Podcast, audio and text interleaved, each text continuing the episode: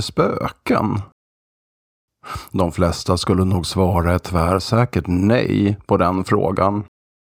Andra kanske drar mer på det.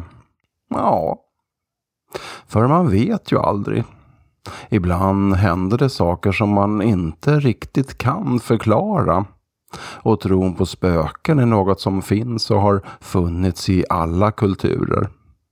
Det är en föreställning som verkar förena oss människor oavsett när och varifrån vi kommer.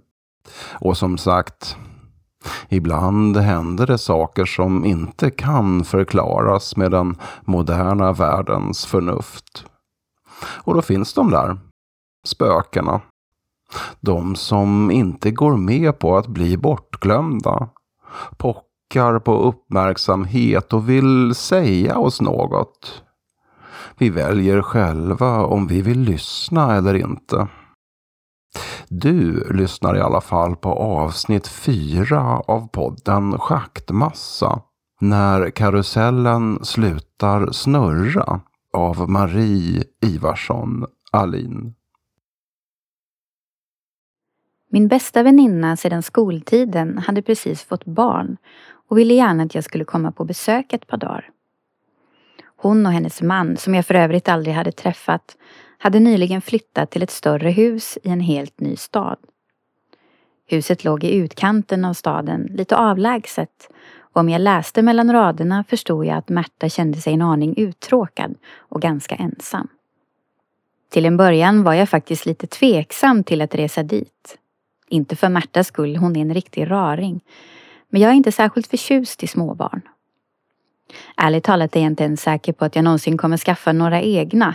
Men om jag säger det högt är det alltid någon som verkar förfasa sig. Särskilt min egen mor. Som om det skulle vara en förolämpning riktad rakt mot henne. Alltså svarade jag undvikande på Märtas brev. Skyllde på att jag hade mycket att göra på arbetet, vilket i och för sig var sant. Jag hade precis påbörjat en anställning på en veckotidning för kvinnor och aldrig hade jag väl kunnat ana hur mycket jobb som låg bakom att varje vecka komma ut med ett fullspäckat nummer med alla recept bästa husmorstipsen mot rödvinsfläckar, salt, modereportage, reseberättelser och stickmönster. Min spalt hette Den moderna kvinnan och de växte sannerligen inte på trän 1958. Till slut kostade Märta på sig ett rikssamtal och då förstod jag hur angelägen hon var om att jag skulle komma. Det var något hon behövde min nyktra åsikt om, som hon sa. Men vad det rörde sig om var hon mycket förtegen med. Jag reste dit med tåg och Märta och maken Harald mötte mig i bil på stationen.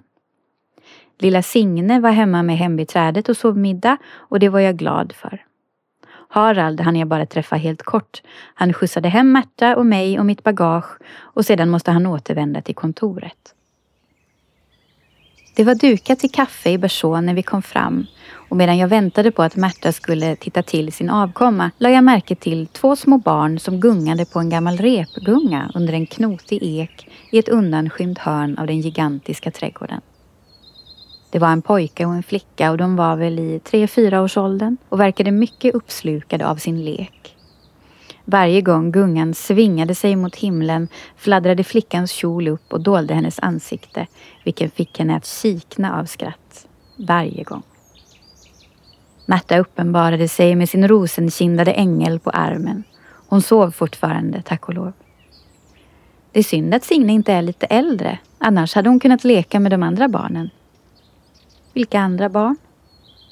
De som verkar ha så roligt vid gungan där borta, pekade jag men kom snabbt av mig. För där var inte längre några barn.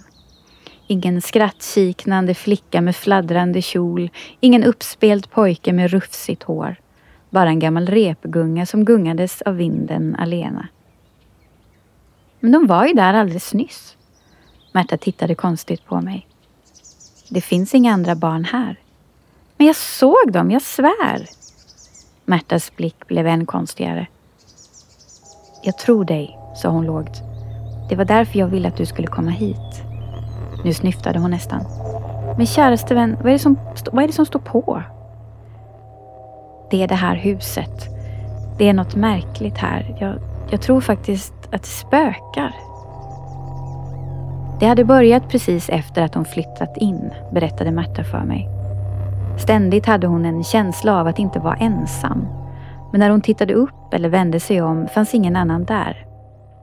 Signe hade ännu inte fötts då och när Märta berättade om den där känslan för Harald var han övertygad om att det skulle gå över så snart barnet var fött.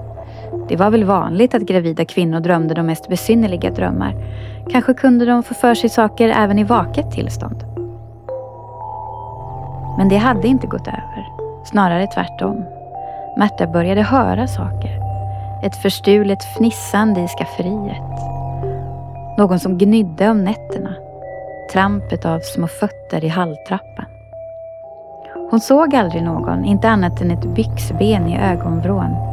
Skymten av en förbidansande hårfläta. En nästipp som kikade fram bakom farstudörren. Som om någon lekte kurragömma med henne.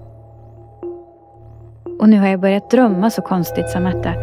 Jag drömmer att jag sitter på en karusell och världen snurrar förbi alldeles för fort. Och karusellen spelar en entonig melodi, så vemodig att man bara vill gråta. Den är ihålig som från en gammal speldosa. Och så går allt ännu fortare och fortare och jag tror att jag ska ramla av karusellen. Så jag klamrar mig fast allt vad jag är värd. Men så vaknar jag med ett ryck och en känsla av att det är någon som vill berätta någonting för mig. Om jag bara hade lyckats klamra mig fast lite till så hade jag fått reda på vad. Men kära Märta, det låter ju alldeles gräsligt. Vad säger Harald? Att jag bara inbillar mig. Han är, han är ju aldrig hemma om dagarna och om nätterna sover han som en stock. Han märker ingenting. Men nu är ju du här, tack och lov. Nu är jag här, instämde jag och kramade hennes hand. Bara säg vad det är du vill att jag ska göra. Du är den mest förnuftiga människa jag vet, Astrid. Så jag tänkte att om du också känner någonting så vet jag att det inte bara är jag som håller på att bli galen. Då är det verkligen något och då kanske jag kan övertyga Harald om att vi måste flytta härifrån. Tror du han skulle lyssna på mig då? Ja, det tror jag. Jag brukar läsa din spalt för honom och han säger alltid att du är förbaskat skärpt. Särskilt tyckte han om din artikel om de där nya bantningspillren. Att de bara är en ny typ av korsett. Ja men det är de ju. Det gäller förresten för hela skönhetsindustrin. Det är bara ett nytt sätt att kapsla in kvinnor. Fängsla oss i en bild av hur vi borde vara istället för att tillåta oss att bejaka oss själva som de individer vi faktiskt är. Jag kände att jag var på väg att elda upp mig, som jag brukade göra när kvinnofrågor kom på tal. Så jag la band på mig och gav Märtas mjuka hand ännu en liten, som jag hoppades, förtroendeingivande tryckning. Om du tror att jag kan vara till någon hjälp så ska jag göra allt jag kan. Och sen vaknade Signe med ett gallskrik. Den natten sov jag uruselt. Om det var för att Märtas historia påverkade mig eller om det faktiskt rörde sig om övernaturliga krafter låter jag vara osagt. Men natten bjöd på minst sagt mer dramatik än jag var van vid. Redan före midnatt vaknade jag första gången av att jag tyckte någon viskade någonting i mitt vänstra öra. Förmodligen var det bara en kvardröjande dröm, men likväl låg jag stel som en pinne och tvekade att tända lampan eftersom jag var rädd att jag skulle hitta någon bredvid mig i sängen. När jag äntligen tog mod till mig var det naturligtvis ingen där. Eller? Nej, det, det var ingen där nu. Men om jag tittade riktigt noga så såg jag faktiskt ett svagt avtryck i kudden bredvid mitt eget. Som om någon med ett ganska litet huvud lekat precis intill mig. Nej, vänta, det var i själva verket två avtryck. Två avtryck av två små huvuden. Osökt kom jag att tänka på barnen som jag sett vid gungan tidigare på dagen. Barnen som Märta hävdade inte fanns. Var det de som ville säga mig någonting? Jag försökte erinra mig vad det var som hade viskats i mitt öra i drömmen, men jag kom inte ihåg. På något sätt måste jag ändå ha somnat om, för ett par timmar senare hade jag ytterligare en dröm. Ja, egentligen är jag tveksam till att kalla det för en dröm, för som jag kommer ihåg det var jag klarvaken. Åtminstone kände jag mig klarvaken. Det började med att någonting skramlade till. Omedelbart for jag upp och vände mig om för att se vad det var. Nedanför på golvet bredvid sängen såg jag något mycket oväntat. En leksakssnurra som jag kunde svära på inte hade funnits där när jag gick till sängs. Den var gjord av emalj och målad så att den såg ut som en gammaldags karusell med flygande hästar. Den hade ett tvinnat handtag med en liten guldknopp högst upp som det var meningen att man skulle trycka ner för att få den att snurra.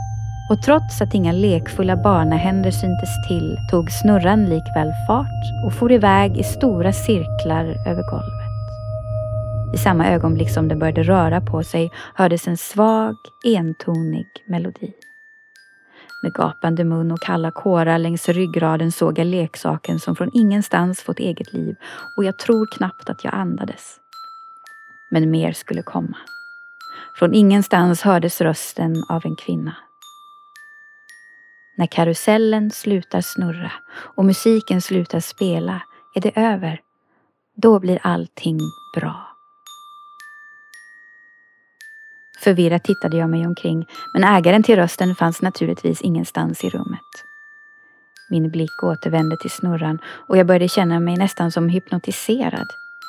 Den snurrade fortare och fortare och de målade hästarna blev suddigare och suddigare och ett tag trodde jag nästan att den skulle lätta från marken. Men det gjorde den inte. Istället stannade den, helt tvärt. Musiken tystnade och snurran blev liggande på sidan. Och det var då jag insåg att jag faktiskt inte var ensam. Bredvid mig i sängen satt två små barn i nattsärk. En pojke och en flicka. Bleka och glåmiga betraktade de mig med sina stora ihåliga ögon.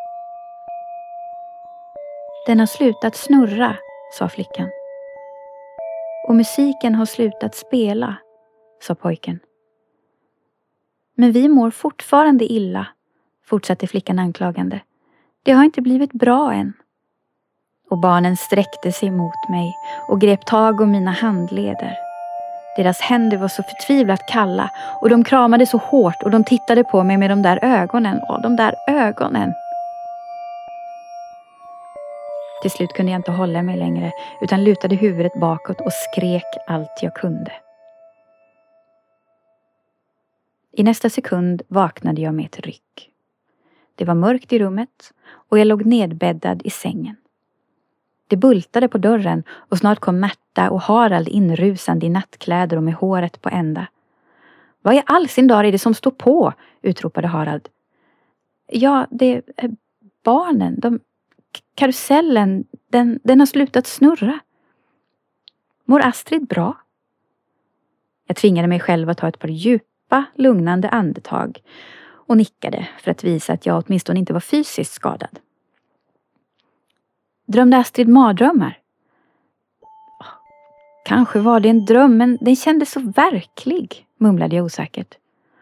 Harald torkade sig lättat i pannan som om det hela därmed var ur världen. Åh, vilken tur. En annan var ju säker på att få möta en knivmördare allra minst. Och så var det bara en dröm. Ni flickor, ni är visst lättskrämda så här ute på landet. Jag bad om ursäkt för uppståndelsen som jag orsakat och försäkrade att det gick bra att alla återvände till sina sängar. Och nej, inte behövde jag en sherry för att lugna nerverna inte. Fick jag bara sova lite skulle nog min fåniga, lite överspända kvinnohjärna lugna ner sig. I samma ögonblick som Harald och Märta lämnade rummet kände jag en bultande smärta i mina handleder. Jag drog upp ärmen på nattlinnet och inför mina ögon blommade ilskna blånader upp längs båda underarmarna. Blånader som bar tydliga märken efter tio desperat fastklamrande barnafingrar. Hastigt drog jag ner armarna igen. Om Märta eller Harald hann se märkena valde de i alla fall att inte säga något. Dagen därpå tog Märta och jag och Signe i sin barnvagn bussen in till stan. Vi tänkte gå på kondis och sedan titta på ett gardintyg som Märta trodde kunde passa i Haralds arbetsrum. Inte med ett ord berörde vi händelsen under natten.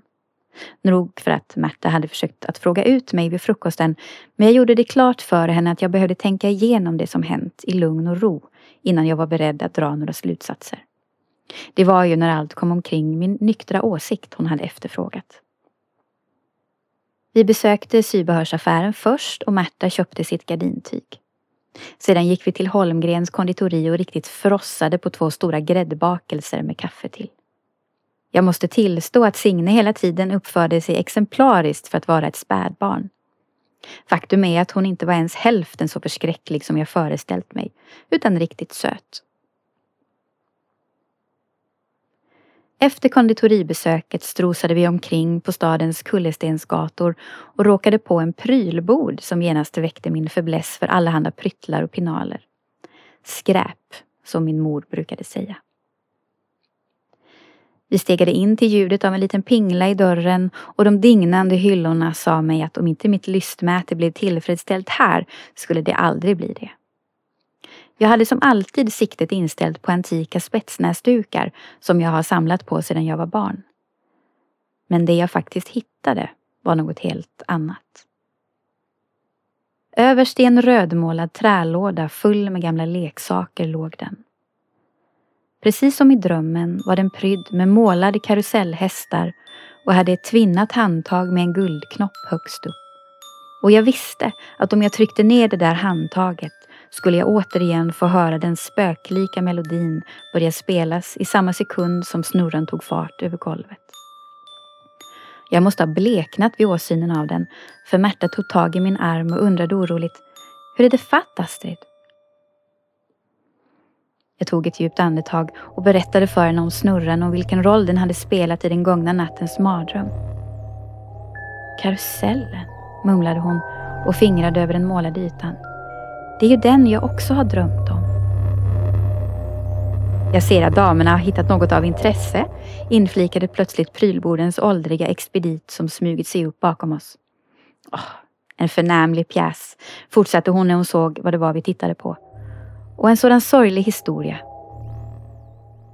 Sorglig? Hur så?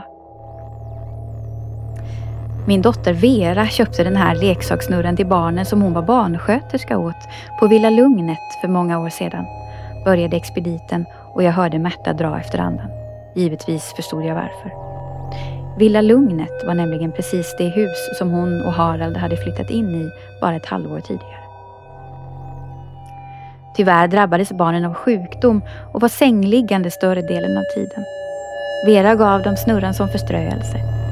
Inte en tum vek hon från deras sida. Men de blev aldrig friska. Dog, bara fyra år gamla. Och jag trodde att Veras hjärta skulle brista. Hon sörjde dem som om de vore hennes egna. Fast gudarna ska veta att hon hade nog dem förutan. Men det är en annan historia och allt det där var ju så länge sedan. Vad säger damerna? Ska vi slå till på leksakssnurran? Den skulle säkert glädja den här lilla prinsessan, avslutade hon och betraktade den förnöjt snusande Signe. Märta tackade vänligt men bestämt nej och jag hörde på hennes tonfall att hon hellre skulle sticka sig i ögat med en vass pinne än att låta sin dotter leka med den där olycksaliga snurran. Vi lämnade prylborden och den gamla expediten försvann in till ett bakomliggande rum. När hon lyfte undan draperiet la jag märke till en medelålders kvinna som satt vid köksbordet. Hon var klädd i svart och hade en grånad fläta över ryggen. Precis när vi gick förbi vände hon på huvudet och hennes blick kom att möta min. Och hennes ögon var de tommaste jag någonsin sett på en levande människa. Ungefär en vecka senare var det dags för mig att resa hem. Mitt besök var över för den här gången och i ärlighetens namn trodde jag inte att jag skulle återvända till Villa Lugnet fler gånger. Ingenting var bestämt, men Märta och Harald hade äntligen haft ett allvarligt samtal om att sälja huset och flytta någon annanstans. Och Harald hade lovat att åtminstone överväga saken. Det var dryga halvtimmen kvar tills mitt tåg skulle gå. Jag slog mig ner i väntrummet med en för ändamålet inköpt tidning som jag snart var djupt försjunken i. Så djupt försjunken att jag först inte riktigt hörde när någon tilltalade mig. Ursäkta? sa jag och tittade upp. Den svartklädda kvinnan bredvid mig var samma kvinna som jag en knapp vecka tidigare sett sitta vid köksbordet i rummet innanför prylborden. Det var aldrig meningen att de skulle dö, sa hon utan att titta på mig. Ursäkta, men vad menar frun? Jag gav dem så lite åt gången och jag läste så noga på burken. De skulle ju bara bli en aning sjuka så pass sjuka att de blev sängliggande så att jag fick ta hand om dem och verkligen visa herrskapet vad jag dög till. Va, vad talar frun om? flämtade jag nu med hjärtat fladdrande någonstans i höjd med tonsillorna. Vad va, var det för burk och till vem? Råttgiftet. Råttgiftet som jag gav till barnen på Villa Lugnet. Äh, vänta nu, menar frun att, att det var hon? Att det var för hennes skull som barnen på Villa Lugnet blev sjuka? Av råttgift? Jag, jag hade ju inte råd att förlora anställningen. Karl där hemma hade precis börjat supa igen och tre ungar att föda på det. Så hände ju det där med kristallglasen och jag hörde nog att det pratades om mig. Att de tyckte att jag slarvade. Så jag tänkte att om jag bara fick en chans att visa hur duktigt jag kunde ta hand om barnen så skulle de inte låta mig gå. Och det gick bra till en början, men, men sen... Nu såg kvinnan rakt på mig och där var den igen. Den där tomma, tomma blicken. Hon tror mig väl när jag säger att det inte var meningen. Tafatt öppnade och stängde jag munnen som en fisk på torra land. Vad i herrans namn skulle jag svara på det? Det går väl an för en fröken som hon att döma mig, sa hon hårt och reste sig. Jag visste inte vad jag skulle svara på det heller, för visst låg det ett korn av sanning i det hon sa. För visst dömde jag henne. Fast jag så gärna trodde om mig själv att jag var vidsynt och ofta hävdade att det alltid fanns minst två versioner av samma historia. Vänta, fru Vera. Visst är det Vera hon heter? ropade jag efter hennes ryggtavla, men hon fortsatte gå mot utgången. Väl ute på perrongen försvann hon i vimlet av passagerarna från ett anländande Köpenhamnståg.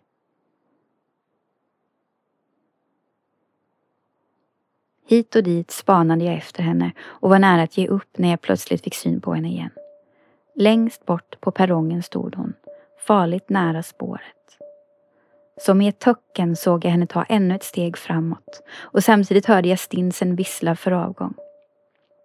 Kanske ropade jag hennes namn en sista gång, kanske inte. Kanske drunknade det i tågets gnisslande bromsar. Och till denna dag som är idag så vet jag inte om det var Vera själv som valde att hoppa eller om hon fick hjälp på traven. Det jag däremot vet med allra största säkerhet är att på perrongen, en bit ifrån folkmassan som samlats runt Veras krossade kropp, stod två små barn hand i hand. En pojke och en flicka. Och precis bredvid dem snurrade en leksakssnurra med påmålade flygande hästar och en guldknopp längst upp på det tvinnade handtaget.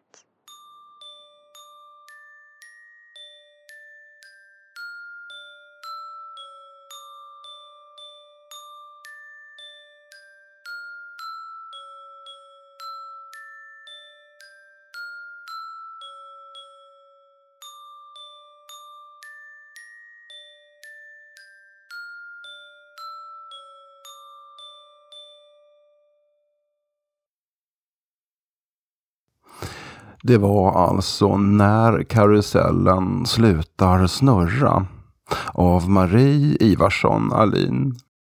Musiken gjordes av Thomas Ivarsson. Kika gärna in på vår hemsida schaktmassa.se för mer information. Jag heter Göran Söderberg. Tack för att du har lyssnat. Vi hörs igen den 13.